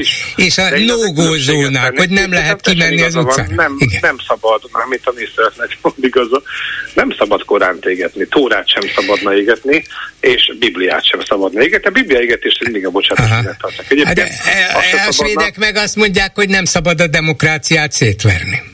Hát ez nagyon nagy probléma, majd amikor a fejükre omlik az egész, akkor majd meg, meglátják, hogy a szabadosságot azért nem lehet a végtelenségig hajszolni, de, de hadd válaszoljak arra, ha már így meg lettem szólítva, hogy hát azért az, hogy az ország miniszterelnöke kinyilvánítja a saját véleményét egy kérdésben, azért az erősen megkülönböztethető attól, hogy az ország állami iskoláiban milyen gyúanyagot adnak a gyerekeknek. Tehát tök joga van a svéd miniszterelnöknek azt mondani Magyarországon, amit akar. De a svéd állami iskolákban állami pénzen készült Magyarországról szóló nem tudom, tényleg elmarasztaló jellegű filmeket adni, mondjuk, hogy barátságtalan. És egyébként ehhez is joga van, mert éppenségen megteheti, csak lehet, hogy van következménye, mondjuk nem nagyon szívesen adja egy frakció ez a hozzájárulás. Hát egyébként miért lenne ez annyira kötelező? Tehát tényleg azt írtam... Mármint, hogy kötelező megszavazni? Miért lenne hát kötelező azt megszavazni? Azt uh-huh. hogy, hogy, hogy miért kell olyan szinten nézni Magyarországot, mint a Besenyő Pista bácsi nézte a, nem tudom, a, a kis hülye kis sorozatban a, a Boborjánt, hogy ő, hogy ő megmondta Boborján véleményét. És akkor azt mondják Magyarországnak, csetintek, hogy akkor gyere, akkor itt írd alá a három x Tehát én ezt komoly dolognak érzem, és, és azt meg tragikusnak érzem, hogy a 10 milliós korosztály, tehát az írek, svédek, portugálok, csehek és mi nem veszük észre, meg pláne a balti államok, meg Luxemburg, meg nem tudom, Málta, Ciprus, hát a picik, nem veszik észre, hogy, hogy, hogy afelé haladunk tényleg, hogy semmi jogunk, szavunk ne legyen, nem is kell majd Brüsszelbe összegyűlni havonta. A három nagy állam összegyűlik, vagy nem tudom, körtelefont csinálnak, vagy konferenciahívással megoldják, és utána mindenki szépen kusad, és a végeken pedig azt csinálják, amit a központ mond. Szerintem nem érdemes idáig eljutni. Biztos nem Értem, értem, értem. Főigazgató úr. Igen az, hogy valaki mondjuk éppen a Fidesz KDNP frakció megsértődik a svédek ilyen-olyan... Um, Szerintem ki... ön is megsértődik ezen. Én nem, én abszolút nem sérül. Hogy nyugodtan csináljanak. Ráadásul az a, az a riport, az a riportfilm az, igaz, az igazságot közölte arról, hogy hogy teszik tönkre a demokráciát ma Magyarországon, de nem kötelező tananyag, az egy illusztráció volt, aki akarta használta, aki akarta nem használta. Tehát e, ettől egy államközi kapcsolatot függővé tenni, az abszurdum. De nem is ez a kérdés, hanem a NATO tagság most mitől, konkrétan. Mitől tegyen az ember függővé egy államközi kapcsolatot, attól, hanem attól, hogy a másik állam megmondom, ellen aknamunkát folytat iskolások körében. Ak, nem aknamunkát ami, amit mi sosem csináltunk, hogy nem tudom, ön, önnek az bejönne, hogyha most itt nem tudom, itt egy Franciaország ellenes filmet filmet raktálnánk az iskolásokat, akkor is megszólalnának önök. Hát, á, megszólalnának. Azt, ez, nem tudom, hogy, azt nem tudom, hogy iskolában mit, de hogy a Fidesz médiában folyamatosan megy a Franciaország, meg Svédország ellenes propaganda, azt látjuk. Na de a vélemény az szabad, Hát ugye? az igen, csak, igen. A, csak, csak az iskolában, iskolában nem, értem. Megkímélni a drag queen is egyébként, meg megkímélni attól is, hogy ilyen típusú elfogult és politikai motivált vélemények abban megjelenhessenek. Tehát, de most tegyük félre egy pillanatra az, az iskolát, csak azért, de, de csak, ne tegyük félre. Csak, hát jó, ne tegyük félre. Akkor hasonlítsuk össze, hogy mit ér egy iskolában bemutatható, lejátszható, nem kötelező Magyarországról szóló riportfilm, hogy jön össze azzal, hogy Oroszország két éve gyilkos háborút folytat egy európai ország ellen, egy egy szuverén európai ország ellen. Ez a háború közvetve egész Európa ellen irányul. Az ön által idézett baltiak pánikban vannak, Lengyelország pánikban van, Svédország, amelyik évszázadok óta semleges ország, úgy döntött, hogy már nem biztos, hogy meg tudja védeni magát egy ki tudja milyen elszabadult Oroszországgal szemben, ezért kéri a felvételét a NATO-hoz. Mi meg azt mondjuk, hogy hát nem, hát az iskoláitokban mit mutattok itt a magyarokról, mi nem fogunk titeket megvédeni. Nem nevetséges ez? Hát azért a svédországi pánik is egy kicsit nevetséges volt. Miért? Pillanatok alatt hirtelen mindenki pánikba, és elkezdte fölvásárolni a bármit is, miközben azért, tehát mi, miféle oka volt erre, vagy, vagy mondjuk az, az nem egy érdekes mondat, ha már itt tartunk, Jens Stoltenberg nem svéd, hanem norvég származású NATO főtitkárta, hogy Trump úgyse fog kilépni a háborúból, mert ez Amerikának a legjobb üzlet.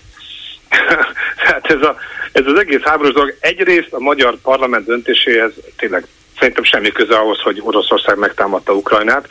Tehát ez ilyen direkt viszonylatban nehezen állítható.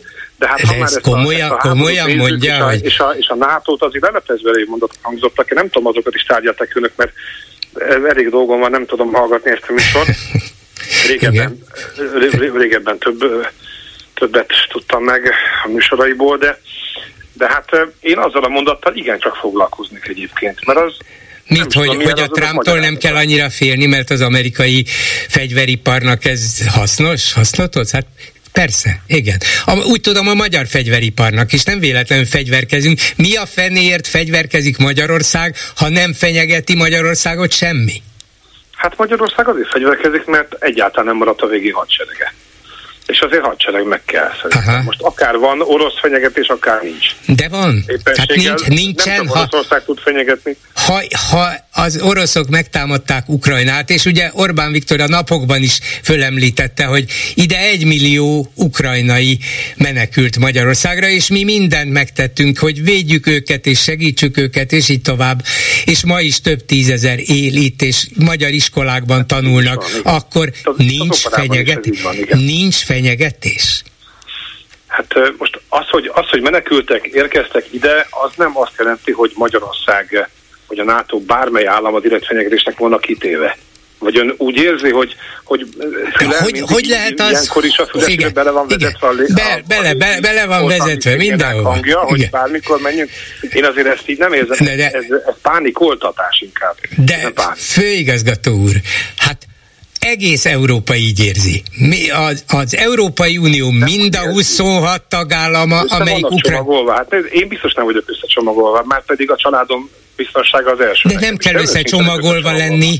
A szükséges védelmi intézkedéseket, elővigyázatossági intézkedéseket kell megtenni. Ezért szavazott az Európai Unió 26 másik tagja amellett, hogy támogassuk Ukrajnát. Egészen a múlt hétig Orbán Viktor nem így tett, de aztán végül beleegyezett. És ezért van az, hogy a NATO összes tagja, a törököket is beleértve azt mondta, hogy csatlakozzon Svédország Tényleg ez mindannyiunknak hát jó? Én, én, én szerintem is az úton vagyunk, csak az egyetlen tagja vagyunk az Európai Uniónak, amit egyébként most már lassan és ezzel is foglalkoztam a cikkemben, összemoshatunk a NATO-val, mert az USA, mintha mindegyikben benne lenne, Törökország mindegyikben uh, csiki-csukit játszik, és Nagy-Britannia pedig mintha egyikben se lenne benne. Ez nagyon érdekes. De, de ha már az uniónál tartunk, az az egyetlen olyan állam vagyunk, amelyik viszont be, befizetőnek jó, annak nem fasiszta, és nem antidemokratikus, és nem sajtószabadság nélküli, Viszont, hogy kifizetést is kapjon, ahhoz már ezeknek az ellentét. Tehát egyetlen ország vagyunk, amelyik ha be is fizet, nem kap kifizetést, tehát hogy, ha, hogy mondjuk kicsikét harcoltunk ezért, hogy akkor egy unión kívüli államot fantasztikus, hatalmas összegekkel legalább úgy támogassunk, hogy közben az unió tagjai közül az az egy is megkapja a pénzét, aki eddig érdekes volna nem kaphatta meg. De megint De mondom, hogy a másik... Bolgárul, ez a, ez igen. a Tehát Igen, az, az, az, az, és szeretném, hogyha ez a... kéne bánni, hogy, a, hogy ez az ország forrásokhoz jut. De, ne, nem, nem a forrásokkal van bajom, azzal van bajom, hogy ezt az országot, ez a kormány, ez a rendszer, mondjuk finoman fogalmazva tévútra vezette, és ezt az Európai Unió másik 26 országa ugyanígy látja, és úgy hát érzi, hogy ez őket is veszélyezteti, meg 26 másik egy, ország. Ön is egy médium, sőt a magyar média, hadd legyek tényleg itt a füle halatára fülbe dicsérő, tehát ön a, ön a magyar média egyik ikonikus alakja. De olyan rettenetesen elfogult véleményt mondott most, hogy a faladja de, de hát azért vagyok elfogult, azért lehetek elfogult. Szabadság, hadd kérdezem meg öntől.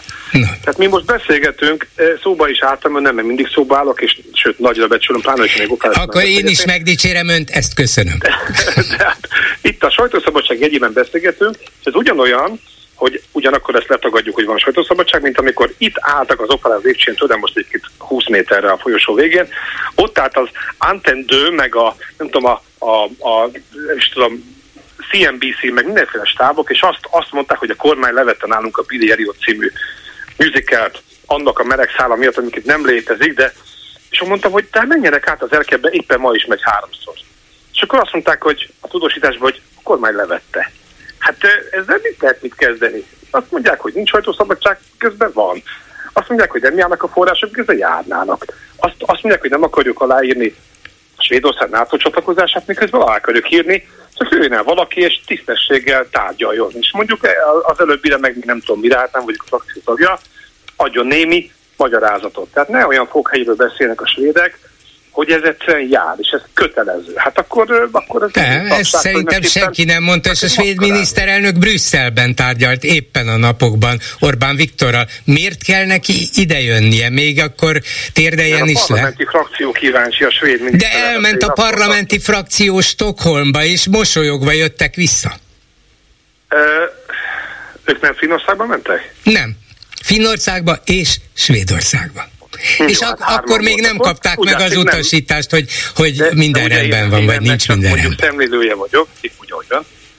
Nyilván valami még motoszkál bennük. De hát őszintén szóval miért nem motoszkálhat? Ezt megtiltjuk a motoszkálási jogot. Nem, de hát nem Orbán Viktor utasítására motoszkál, vagy nem motoszkál. Tud még valami lényeges ügyről az elmúlt 14 évben, amiben a Fidesz frakció ellenállt Orbán Viktornak és a kormánynak? Mert én nem tudom. Hát ahhoz, ahhoz ott kell lennünk a frakcióra. De ezt látjuk, hogy... nem kell ott lennünk, ezt látjuk. Ez, ez világos, az egész hát, világ számára. Hát, hogyha, hogyha, hogyha nem hallgatjuk meg, hogy van-e köztük ellentét vagy egyetértés, akkor nem tudjuk, hogy van-e köztük ellentét vagy egyetértés. De azért kérdeztem, hogy tudjuk-e az elmúlt 14 évből, ami ilyen világossá vált, hogy a Én kormány... Nem tudom, de attól még lehetett. Aha, ez a, ez ja, értem, igen, értem, értem. Na jó, szóval akkor tényleg csak az alapkérdésre visszatérve. Függetlenül attól, még attól is függetlenül, tegyük most pillanatra függetlenél az egészet, nem, attól, hogy kinek, kinek van, igen, kinek van igaza. nagyon, nagyon jó, jó, jó, jó, jó, még az operáról is hagyom beszélni. Szóval kinek van igaza ebben, hogy a svédek minket megbántanak és csúnyán viselkednek, engednek meg, és addig, amíg ezt nem, meg nem kérnek bocsánatot, addig nem engedjük be de, őket. De nem az a lényeg, hogy Európa biztonságban érezze magát egy brutális, nap mint nap gyilkoló orosz hadigépezettel szemben, és ehhez képest másodrendű kérdés, hogy mi meg vagyunk-e sértve a svédekre? Hát szerintem, amikor olyan írások jelennek meg, mondjuk a múlt hét elején, hogy egyébként eh, Magyarország gazdaságát érzékeny pontokon meg kell szúrni és így megroppantani, akkor, akkor már láthatjuk, hogy azt mondják a svédek, hogy majd a Gripenek eh, licensz szerződéséről tárgyaltuk, hogy aláírtuk már az okmányt, akkor azért látjuk, hogy itt egy nagyon jelentős uh, zsarulási potenciál van, tehát azért, azért, azért nekem hál' Isten nincs egy svéd okonom sem, tehát én nem bántom őket, hogy azt mondom, hogy hogy a svédek bizony minket nem néznek. Na de a néme, a ném, az Egyesült Államok, a NATO vezető ereje nap mint nap a bírálja a magyar ereje. kormány, a világ, most akkor... A világ világítótól. Igen, igen, jó. És akkor lökjük ki, lökjük ki őket a NATO-ból, vagy nem vagyunk nem, hajlandó amerikai... Szerintem ilyen nem hangzott Na el, tehát csak... akkor a svédeket miért nem de... engedjük be? Na de, de szerintem senki nem mondta, hogy nem engedjük be, hanem ide meg lett hívva a miniszterelnökük, és nem tudom, ez miért olyan nagy baj? Hát Szíre szólám, most Washingtonba hívták, meg már ott, már ott lenne a hívás előtt. Most ide miért nem tud eljönni? Jó akar bejutni valahová, nem? De ezt a, ezt a bejutást Orbán Viktor egy és három évvel ezelőtt már jó, jóvá hagyta. És hát most még kiderült, hogy volt ez a Na de ak- akkor a Fidesz frakció nyújtson be bizalmatlansági indít, nyújtson be bizalmatlansági indítványt a saját miniszterelnökével szemben, mert egy alapkérdésben teljesen ellentétes véleményen van a Fidesz frakcióval. De, de nem, egyszerűen csak szeretnének beszélgetni azzal a svéd miniszterelnökkel, a svéd kormány képviselőivel, aki, akivel valamiféle nézeteltérés van, de ez még nem azt jelenti, hogy az ember nem akar megegyezni. Hát miért, de miért, miért jelenteni azt? Ezek szerint tényleg nem szabad még azt sem mondani, hogy egyébként ez miért. Tehát, tehát Magyarországnak a miért, a visszakérdés lehetősége sem, hát erről írok a cikkben végig. Uh-huh. Ez, ez, ez már nem kétsebességű Európa, hanem ez, ez, ez egész egyszerűen egy, egy század beszogod Európa. Nem, hát nem, hát látja, hogy állandó, még ezt is lehet, meg lehet akadályozni másfél éven keresztül Svédország csatlakozását, és hát, se, senki semmilyen büntető intézkedést nem alkalmazott. Hát azért már az elhangzott, hogy nem majd a gripenek, és azt senki nem sorolja, hogy 98 őszén, amikor a kormány mégis úgy döntött, hogy nem F-16-osokat vásárol, hanem svéd gripeneket, akkor ez egy nagyon bátor döntés volt egyébként. Hát azért, máig, azért nem az van, hogy máig se értem. a svédeket, ez nincs így. Hát nem, nem hiszem, hogy utálják a svédeket, Na, tehát ezt nem feltételezem. Nem, nem, nem. De valami olyan politikai cél van mögötte, ami ezt is fölülírja. Nem utáljuk a svédeket, de azért mégis jól alájuk gyújtunk, ameddig csak lehet. Hát azért hál' Isten minden perbe belépnek ők is velünk szemben, amit csak az Európai Bizottság környékén. De nem egyedül vannak, azért mondom, az egész Európai Unió ellenünk van, hát ez normális? Hát nem, ez, ez egyetértünk, ez nem normális. De miattunk nem normális, nem ők a nem normálisak. Nem normális. És, és hogy most már ez a, ez a kétszög bújt ki a zsákból, hogy a, hogy a migráció, vagy a demokratikus deficit, illetve, a, illetve az LMBTQ eh, jogok sérülése miatt, hát ez tényleg nem normális hogy ez itt a lényeg. E, azért e, mondta az elején, hogy csak nagyon ritkán ír politikáról, de azért a Hír TV hírmagyarázó műsoraiban rendszeresen részt vesz. Hát így van, de igyekszem is árnyalt mondani, hogyha megfigyelik, akkor... Jó, akkor, magamat, akkor mondjon valamit az operáról. Nem, nem akarnám elmulasztani, mondja. Ez, de tetszik látni, ugye, hogy ez a szokásos kulturális maradék elv maradék idő. Na, nem, nem, nem, nem, csak hát tudja, ez mégis alapvetően egy közéleti politikai műsor. Ha az opera politikává válik, például amikor az ön megválasztása körül voltak politikai viharok, villámok, akkor téma is volt, de, de hát igen, itt a kultúra bizonyos értelemben háttérbe szorul, ezt elismerem. Egyébként csak annyit, hogy de nem, nem megválasztás volt, hanem, hanem a miniszter joga. Igen, igen, igen. kiválasztás. Sokan szerették volna ezt választásnak látni, és szívesen be is szálltak, hogy akkor ők voksolnak, de tehát ez nem így van a törvény meg, meghatározó egyébként a törvény meg elég régi 2008-as, úgy emlékszem. Na jó, mindegy. Szóval itt, itt nálunk most nagyon klassz dolog történik, éppen most folyik a első zenekari próbája Riás Strauss eh, Arabella című operájának, ez az egyik legnagyobb apparátust igénylő, zenekari apparátust igénylő operája az irodalomnak, és eh, szombaton van az első előadás. Nem premier, egy 8 év előtti felújítást uh, prezentálunk újra, és hamarosan jön a Don Giovanni, a Pigdámái, szláv tartunk ugyanis, mind a 14 szláv nemzettel számolunk, lengyel operával nyitottuk az évadot, most cseh, cseh operával, két héttel ezelőtt ismerkedhetünk meg a russzalkával, és igen, oroszokkal is, mert ők is részei ennek a szláv kulturális... Uh-huh. Ukrán opera van egyébként? Kérdezem tudatlanul. Hát ugye nehéz, mert olyat a, azt mondjuk, hogy nem tudom, afroamerikai zeneszerzők a klasszikus zenében, tehát egy, egy kicsit nehéz. Csakoszkinak vannak ukrán gyökerei, és jön majd a, a Prágai Opera főzenigazgatója, Andrei Jurkevics, és ő dirigál majd, ő egy ukrán, ukrán igen.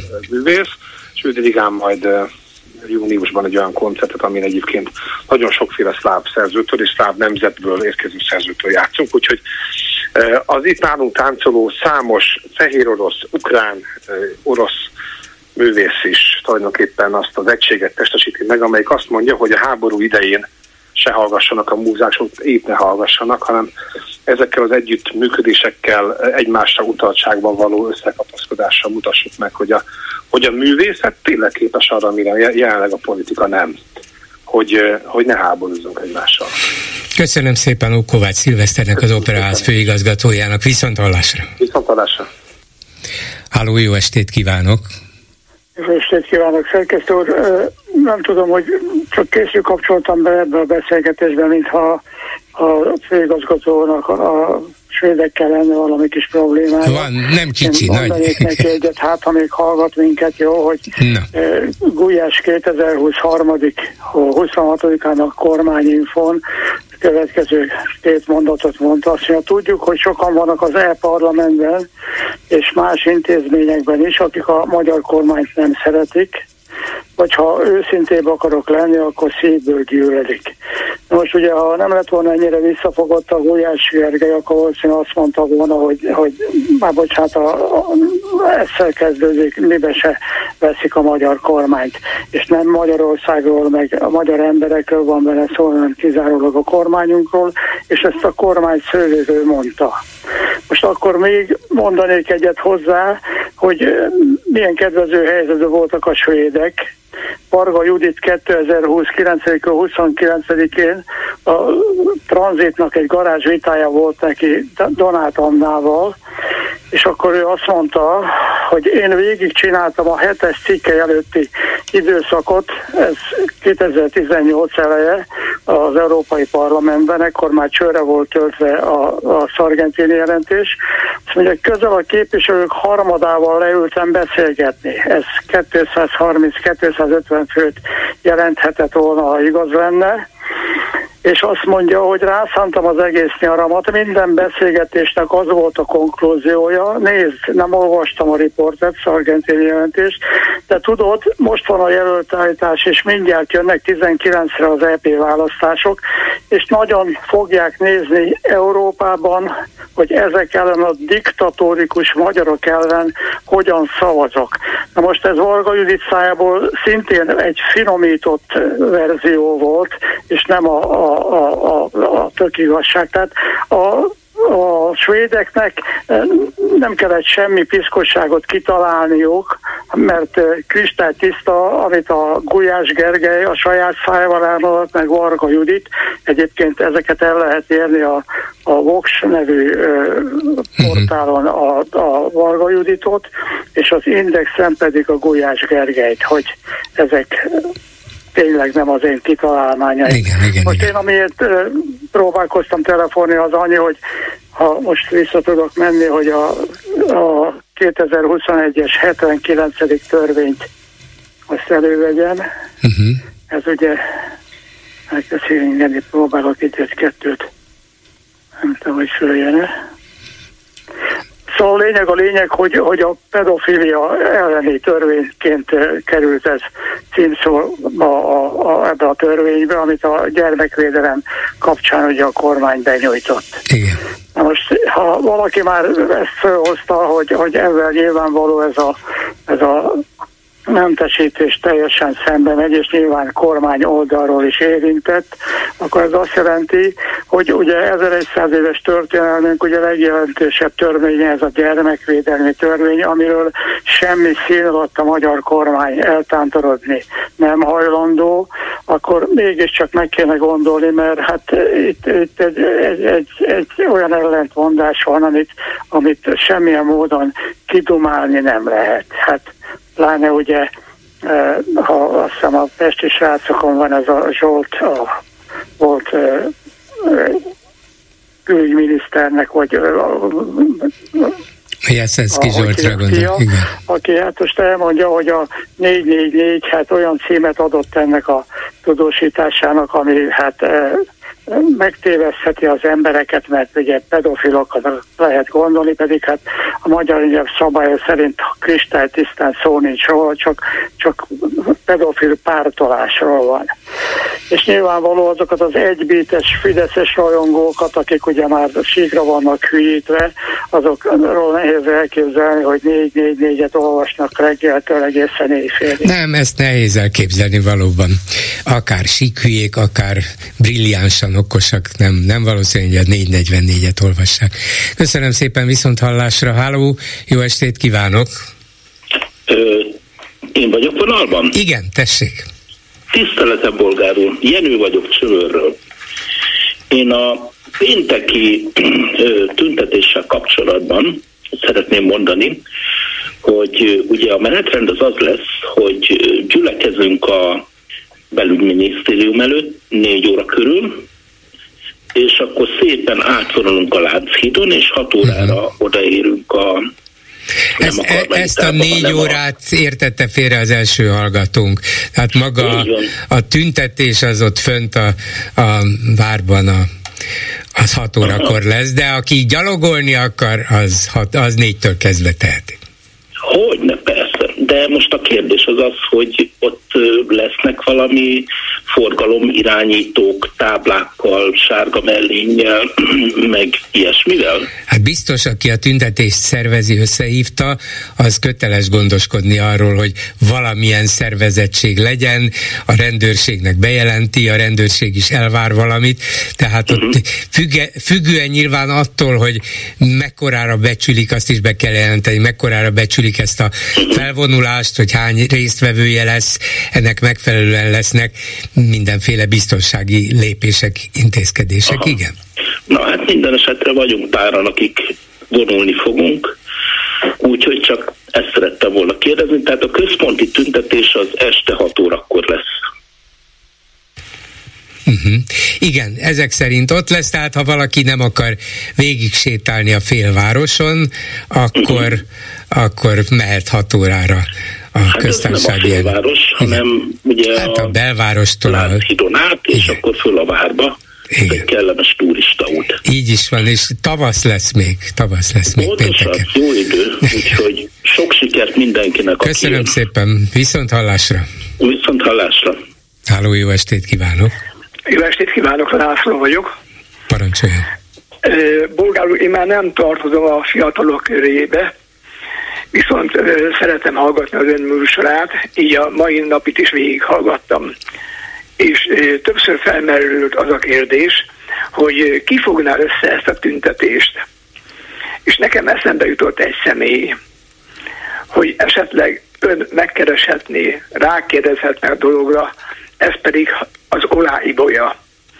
Ugyanis, ha jól tudom, ő is gyermekotthonban nevelkedett, lehet, hogy tapasztalatai vannak, és azért gondolom, hogy nagyon sok, hogy mondjam, zenehallgató van, aki kedveli őt, és ő lehet, hogy igazán élére tudná állni erre a mhm. mozgalomra. Uh-huh.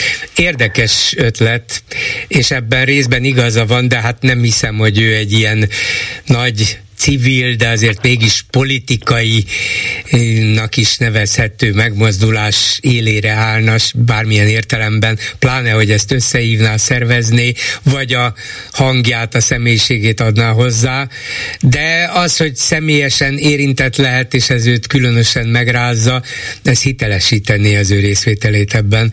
Nyilván mm, kitalálhatunk még olyan embereket, akiknek akiknek van mindennapi közük a, a gyerekekhez, és segítenek szerencsétleneken. Eszembe jutott Iványi Gábor is, akiből majdnem az ellenzék köztársasági elnök jelöltje lett, ebből a szempontból is lehetne, de nem hiszem, hogy nekünk kéne itt embereket előre tolni, mert vagy valamiért megjelennek, vagy valamiért nem.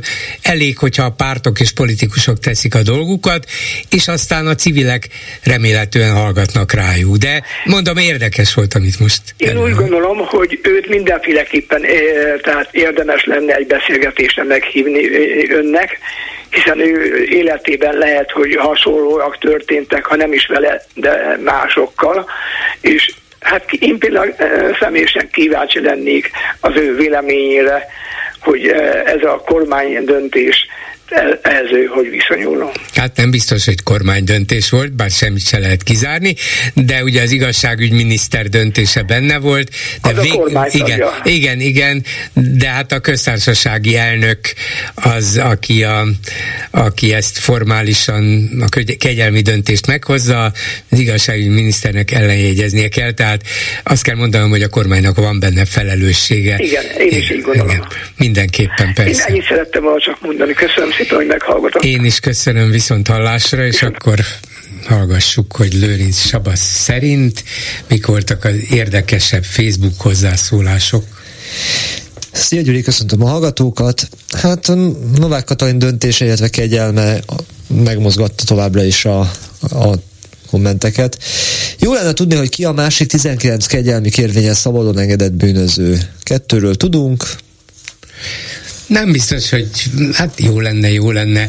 Valószínűleg ezeknek az embereknek a, nem is a többsége, valószínűleg nincs semmi olyan politikailag vagy közéletileg értelmezhető, vagy esetleg ilyen felháborító háttere, bár fogalmam sincsen. Nyilván nem véletlen, hogy úgy alapjában, hogy nem hozzák nyilvánosságra ezeknek a nevét, talán azért, mert végül is súlyos bűncselekményekért ítélték el őket, és, és az emberekben ilyenkor felhorgad az igazságérzet, hogy de miért engedik el őket korábban, mint amennyire ítélték. Nyilván ez a részben az ő védelmükben is van, de ezt tudva, és nem, tud, nem biztos, hogy ez helyes, hogy titokban tartják, itt most csak az a kérdés, hogy ebben a konkrét ügyben, és akkor soroljuk még ide a budaházi ügyet is, hogy lehet, hogy a köztársasági elnök kegyelmet adott. Ez még politikailag sem értelmezhető.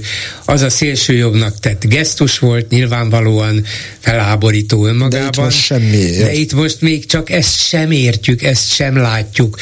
Mi a fene lehet emögött? Hát nem tudom, de a kommentelők nagyon úgy, mindenféle nagyon barátságtalan jelzővel illették a köztársasági elnököt. Ezek közül nem mondanék semmit, viszont egy tetszett, ami valamelyes tűri a, a verbális nyomdafestéket. Sándor Palotáni asszony, mint pedofil simogató? Hát... Nyilván ez azért egy kicsit ilyen mindegy, ezt hagyjuk meg a politikusoknak, Igen. hogy ők milyen jelzőket találnak ki hozzá, és aztán valamelyik megragad, valamelyik nem, de mindenképpen balul sikerült, és erkölcsileg elfogadható. Olyannyira, hogy valaki úgy gondolja, hogy Schmidt Pál Novákhoz képest szinte semmiért mondott le hivataláról. Hát igen, ő csak nem, nem mondott igazat. Igen. Hát, olyan. Nagyon egyszerűen két billentyű lenyomásával meg lehet ezt válaszolni. Volt még egy-két érdekes hír, írja egy másik kommentelő, a kormány nagy szerencséjére elsikadt a Novák ügy mellett. Pedig még egy ilyen diadal Na. volt, a bolti forgalom, mínusz 7,9%, valamint az ipari termelés, mínusz 5,5%. Ezek érdekes hírek, de erre valószínűleg a, a közvélemény nem reagál. Az emberek tudják, hogy kevesebbet vásároltak, mert írtózatos drágulás volt, hogy az ipari termelés csökkent, vagy nem, hát őszintén szólva ez akkor érdekli az embereket, ha elbocsátják őket az iparból, az állásukból, különben meg egy statisztikai adat. Aki figyeli a gazdaságot, a mutatókat, az a pár tízezer, egy-két százezer ember, az azt mondja, hogy ennyi, ennyi, azért ez a gazdasági válság nem látszik olyan könnyen leküzdhetőnek, és nem olyan könnyű belőle kikászálódni, de Erről itt valószínűleg a hallgatók nem nyitnak vitát. Igen, nem, még olyan megjegyzésre van, megjegyzést vettem észre a svéd miniszterelnökkel kapcsolatban, aki nem azt mondta, hogy nem jön Magyarországra, de azt mondta, hogy jön Magyarországra. Ennek egy feltétele van, ratifikálják a NATO csatlakozást. Ez így van. Ennyi a szépen. Ezzel a megbeszéljük mai műsor a véget ért készítésében közreműködött Král Kevin, Lőrinc Saba, Lehocki Miriam és Kemény Dániel, Bolgár Györgyöt hallották, viszont hallásra holnap. Most pedig jön az Esti Gyors. Esti Gyors, a hírek háttere. Az én elnökségem alatt nem volt és nem is lesz kegyelem. A pedofiloknak ez így volt ebben az esetben is, kommentálta Novák Katalin az elemi felháborodást kiváltó kegyelmi döntését. Valóban az illető egykori igazgató helyettes nem molesztálta szexuálisan a gyerekeket. Bűne azonban semmivel sem kisebb, hiszen visszaélve hivatásával, beosztásával, tekintélyével egy pedofilt védett, és ezzel nem mellesleg újabb traumának tette ki a sértetteket, akkor is és most is. Minden kegyelmi döntésre igaz az is, hogy természeténél fogva megosztó, és én az elém terjesztett több száz kegyelmi kérvényről minden esetben igyekszem a leginkább körültekintően dönteni, mondta szintén Novák. Nem, drága elnökasszony, ez nem egy megosztó kérdés. Nincs olyan éplelkű ember ebben az országban, aki szerint helyes döntés volt szabadlábra helyezni, de ami még rosszabb, hivatásának gyakorlásához újra lehetőséget adni ennek a sötét gazembernek. A Fidesz egész univerzumot épített az úgynevezett gyermekvédelem köré, ami a gyakorlatban könyvek fóliázását és kiállítások korhatárossá tételét jelenti. A gyermekekre leginkább veszélyes elemeket pedig visszaengedik közénk. Pontosan ez történik a migráció elleni küzdelemben is, ezrével ereszti ki a börtönből azokat, akik aztán újabb tömegeket próbálnak áthozni a határon. Mi ez az őrület? Miért hagyjuk? Kárpáti Iván vagyok, ez az Esti Gyors, a hírek után kezdünk. Esti Gyors, a hírek háttere.